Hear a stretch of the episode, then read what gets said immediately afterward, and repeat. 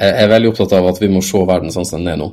Eh, og så må vi tørre å tenke framover også, men det Nei, jeg er spent på hvordan 2024 blir. Eh, for vi har jo sagt eh, siden 2020 at ja, neste år må jo bli bedre, og ting blir Men altså I det store verdensbildet og basert på ja, det en ser fra Gaza nå, f.eks., så føler jeg verden, verden blir kaldere og verre, da.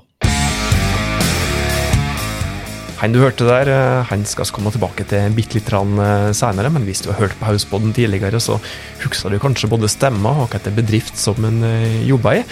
Da skjønner du òg sikkert at vi skal tilbake til ei av de bedriftene som vi følger over tid i dagens Hauspod-episode.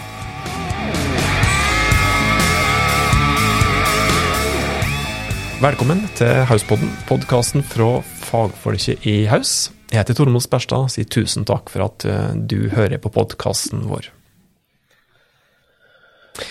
I flytongen føljetongen vår der oss eh, følger et knippe fine bedrifter over tid, så skal vi ta en ny tur over de fineste fjellene i verden, og skal over til Volda og ei virksomhet som vi har prata med jeg tror det kanskje en tre ganger tidligere nemlig film- og livestreams-produksjonsselskapet Oklin. Eh, velkommen tilbake til Hauspodden, eh, Atle Vassbotn Remreit. Takk skal du ha. Hva går det i Volda om dagen? Altså, det er lenge siden jeg har prata med deg og dine. Sist gang tror jeg var i, i mai. Uh, og så må vi jo fortsette på denne uh, The Never Ending Story med Oklin, da, når vi først har begynt på dette her. Og så fyrt uh, litt uh, utviklingsmessig over tid. Og bare for å ta en kjapp uh, recap, da. Hva er det som har skjedd siden sist? Nei, hva som har skjedd siden sist uh, i Volda? Det skjer noe mye rart i, i, bygda, da, for å si det sånn. Når du spør meg om Volda, så vil jo patrioten i meg fortelle litt om uh, lokalsamfunnet og alt. Men uh, jo da, det er jo Det er vel like spennende her som det er ellers i, i landet å være.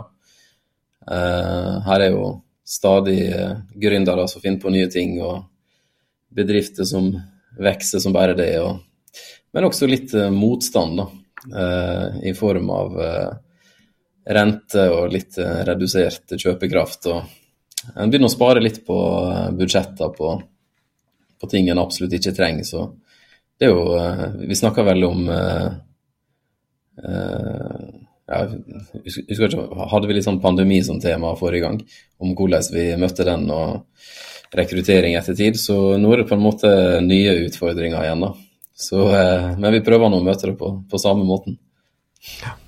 Og Bare for å ta opp at den tråden òg, eh, eh, bare for å fortsette på, på det. Altså, du nevnte pandemien og usikkerheten som, som, var da, og måten som dere rigga dere og møtte, møtte dette her. Og som du nå antyder, med tanke på rentenivå og slike ting, så har jo egentlig det meste bare eskalert på de fleste vis. Og så har du der økonomisk usikkerhet, eller sikkerhet om at det blir nedgangstider eh, framover. Eh, ser skrøpelige eksempel på krig, konflikter, klimakrisa er ikke bedre enn en sist vi prata. Og hvordan rigga dere for, for, dette? da? Merka dere, merka dere at, at kundene dere har, er litt mer nervøse nå og litt mer tilbakeholdne enn det de har vært tidligere? Slik som, som både oss og garantert eh, flere av lytterne nå merker? Ja, altså Jeg husker Eller jeg husker, det er jo ikke så lenge siden det august. Men Jeg husker etter sommerferien så uh, tok det veldig lang tid før uh, faktura ble betalt. Uh, og det er sånn, Etter sommerferie i Norge så kan du kanskje forvente det da, at det har vært fellesferie på økonomiavdelinga rundt omkring.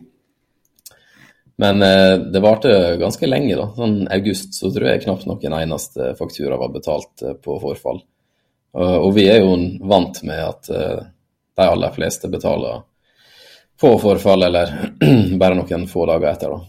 Eh, så det var sånn eh, Ikke at vi trykte på noen rød knapp eller hadde krisestemning, men eh, merka jo at en, eh, en, holdt lenger igjen før en gjorde utbetalinger. Og det er sånn vanskelig for oss å vite hvor, langt oppe på prioriteringslista. Fakturaene fra Oklin er, når eh, store selskap sitter der med kanskje 100 fakturaer i måneden de skal eh, betale, og så hvis de har fått instrukser fra styret om at nå skal vi stramme inn og holde på likviditeten.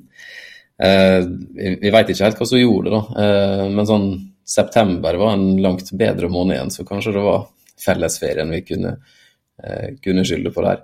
Eh, men vi ser jo hvor viktig det er å, eh, å kjenne kundene våre igjen. da.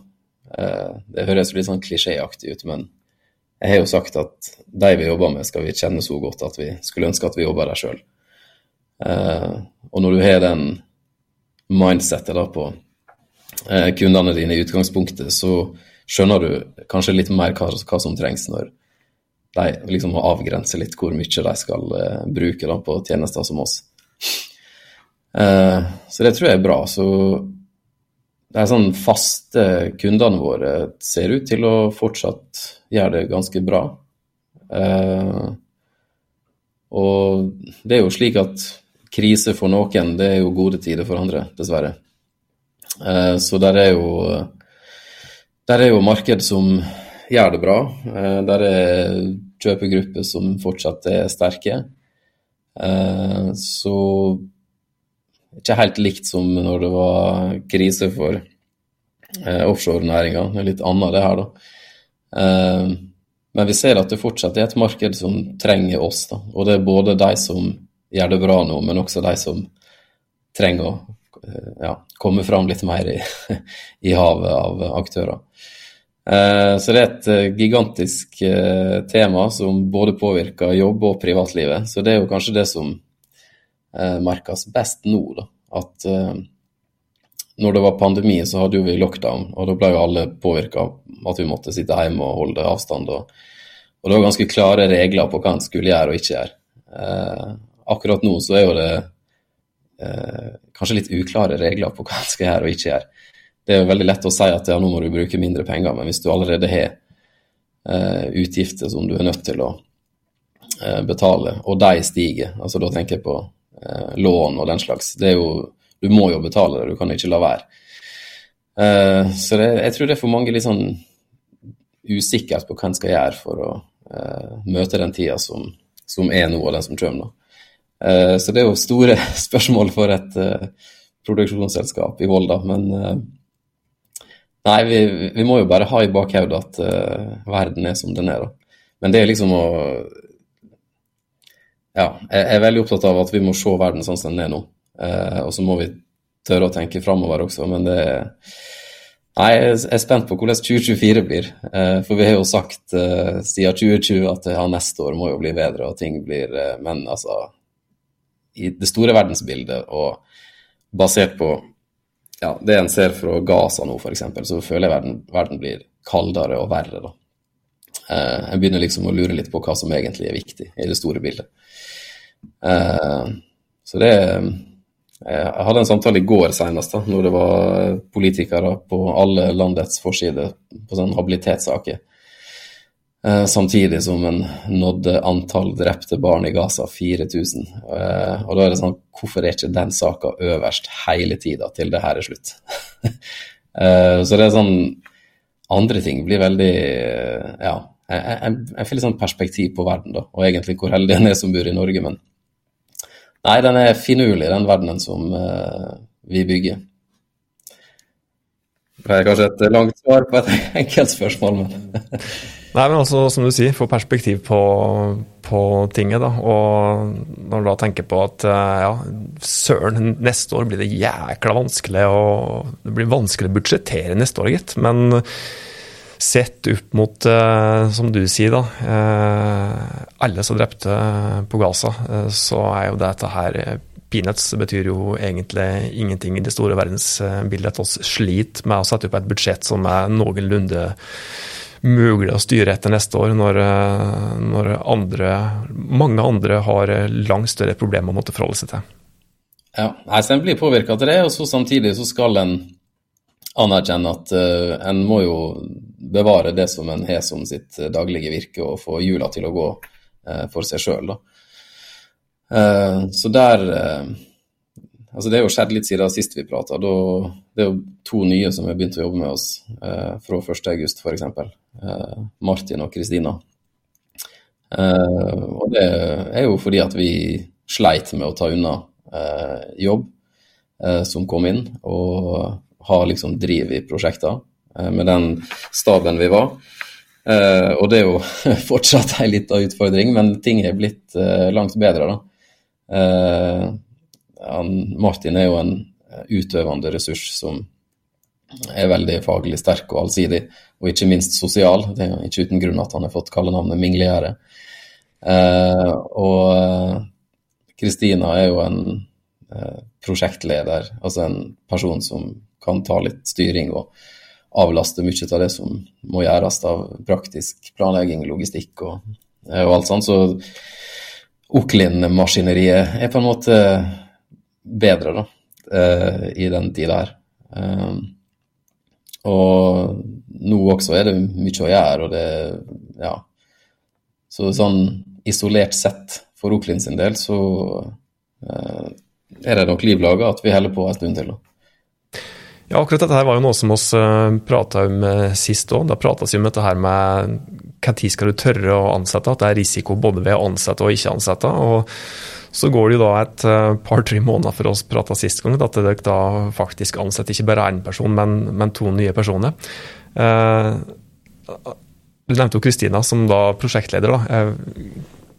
Hvor viktig er det å ha en dedikert prosjektleder eh, for eh, et selskap som, som Oklin? Eh, for å ha noen til å Jeg antar at dette henger opp med å ha noen til å holde litt tråder, og ikke minst tøyler på prosjekt, og kanskje folk òg, for å få en bedre flyt. Hva er dette her gjør dere med litt rent konkret? Nei, altså, jeg og, jeg og Chris Håvard, min makker, som starta Oklin, vi vi er på en måte glad i å, å skape ting og eh, ta ideer litt ut i, ut i livet. Og, eh, så vi har jo eh, Det er jo mye som har oppstått i Oklin eh, av tjenester og produkt, nesten, som eh, vi bruker i det daglige, og som andre, andre aktører også har begynt å, begynt å bruke. Så eh, vi har jo lyst til å bruke litt mer tid på å dyrke slike ting, da. Eh, som utvikler både Oklin og de eh, sideprosjektene. Så det å være en god administrator for eh, staben i Oklin, det ble jo mer og mer krevende. Og jeg har jo aldri sett på meg sjøl som en, den perfekte daglige leder, for å, si, for å, si, det sånn. Hva tenker du på da? Nei, altså, jeg har jo, jeg har jo veldig mye i hodet, da. Både overfor Eh, prosjekt vi er i Oklin, men også ideer vi har med samarbeidspartnere som vi på en måte har blåst liv i. Så den her eh, rastløse sjela i meg trenger på en måte å, å, å bruke mye kapasitet uh, der, da. Uh, og så vet vi at når du ansetter folk, så har du et ansvar som arbeidsgiver også. og det må en passe på. Så hvis en da har to gründere da, som fortsatt er litt Eh, vi har litt sånn gründerspøkelse i oss fortsatt. Eller gründerånd, er det vel det heter. Eh, så da er det lurt at eh, noen har et ekstra sett med hendene på rattet, da, for å ja, passe på at, at alle har det bra, for å si det enkelt. Men også passe på at ikke vi mister framgang og effektiviteten overfor kundene. Da. Ja. Det at vi er flere, tyder jo også på at vi har en del å gjøre, så det gjelder liksom å holde kontroll i sysakene. sakene. Du nevnte at, at, du kanskje ikke hadde de beste daglige lederegenskapene i form til at du hadde mange ting i hodet, men jeg tenker at kanskje det er nettopp det steget å innse det at en daglig leder kan ikke gjøre alt sjøl, og trenger kanskje administrativ hjelp, at, at, det er en bekreftelse på at du faktisk har de gode lederegenskapene. For det er jo ingen daglige ledere som kan levere like godt på absolutt alle områder. og de som leverer best, er jo kanskje de som uh, innser dette her og får de rette hodene inn på de rette områder, at en utnytter ressursene på best mulig måte? Ja, det kan hende, det. Kanskje jeg har litt uh, sjølinnsikt. um, ja, hvis vi ser litt like fram i tid, da. Så jeg prata litt om situasjonen akkurat nå. Kunde og slik.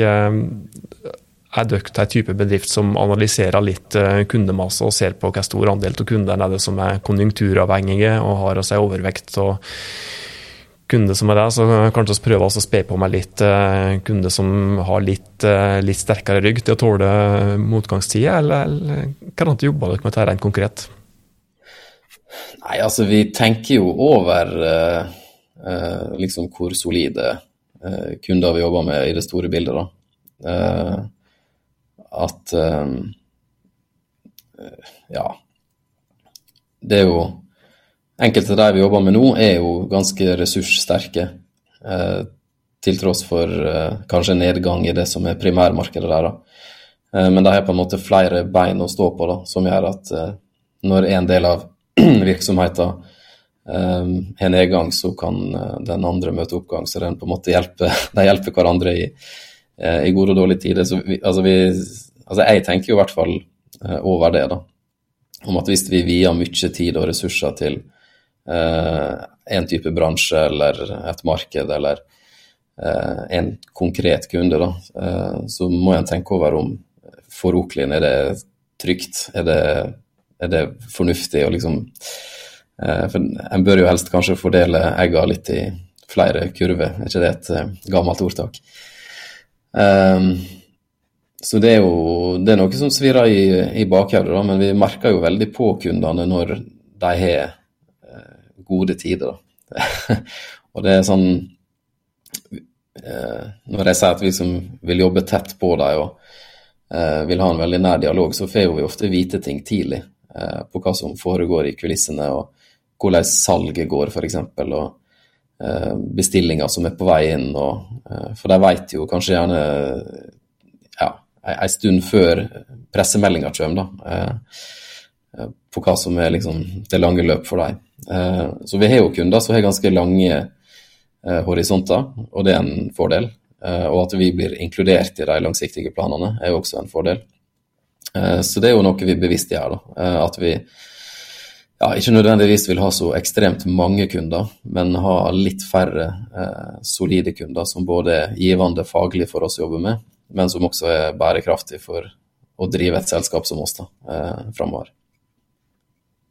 Det er kanskje å tenne på det mantraet som du nevnte innledningsvis, at dere gjerne vil ha kunder som dere har så gode relasjoner med at dere, at dere har lyst til å jobbe der sjøl. Mm. For å få den innsikten som du, som du nevner nå, med, med, tanke på hva ja. det som er den egentlige ståa i, i bedrifter eller kunder som dere har. Ja, ja. Nei, for vi er jo, selv om det er streaming eller om det er film, så er jo vi fortsatt historiefortellere, da. For, for å si det enkelt. Eh, og historiefortelling har på en måte eh, holdt seg ganske konsekvent i, over flere år. Eh, til tross for alt som skjer på den teknologiske fronten. I dag driver jeg og forbereder et foredrag om kunstig intelligens og historiefortelling. Og kunstig intelligens er jo vært en del av hverdagen ganske lenge, eller arbeidshverdagen. Så det er jo litt artig å diskutere det med enda flere pga. Eh, chat-GPT eh, sin eh, holdt på å si kommersialisering av kunstig intelligens. Så der er jo vi Ja. Det er veldig kjekt når kunder spør oss om kunstig intelligens, da, fordi de bare tenker at vi er en aktør som veit litt om det nye innenfor teknologi. Så får vi se da, i morgen når jeg holder foredrag om om jeg innfrir, eller om jeg Ja. Jeg får jo litt sånn imposter syndrome av å skulle snakke om så store tema foran ei forsamling. Men det er et stort tema, som du sier. Det er et uh, utrolig viktig tema. Uh, det, det, angår oss jo absolutt alle i vil si, stor grad uh, allerede nå. og det skjer jo nye ting absolutt uh, hele tida. Uh, siste som jeg så f.eks. i dag, var at uh, amerikanske Google Ads-brukere nå øyeblikkelig får mulighet til å bruke proms, eller kommandoet, da, til å generere både tekster og bilder til Google-annonser. Så mm. uansett hva det fagområdet er, uansett hva det bedrift er, så er jo dette noe som en må ta stilling til, eller i hvert fall få litt basic innsikt i, da, tenker jeg. Ja, Det var en liten recap på hva som har skjedd i Oaklin siden sist. Hvis vi prøver å se inn i glasskula igjen. Utrolig vanskelige spørsmål. Jeg hører at dette nesten går feil før jeg stiller det, men hva tenker du om Oaklin et års tid fram, Atle?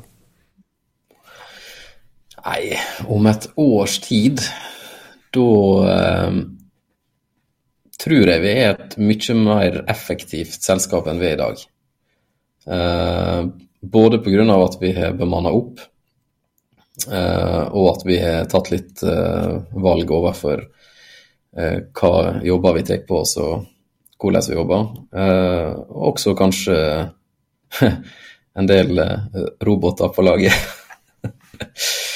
Eh, så jeg tror, eh, jeg tror, hvis vi spiller kortene våre rett med den staben vi har nå, og nå begynner jo alle på en måte å komme inn i Eh, for det er jo ikke bare at én og én skal komme inn i flyten, men en må jo som et team eh, komme inn i flyten.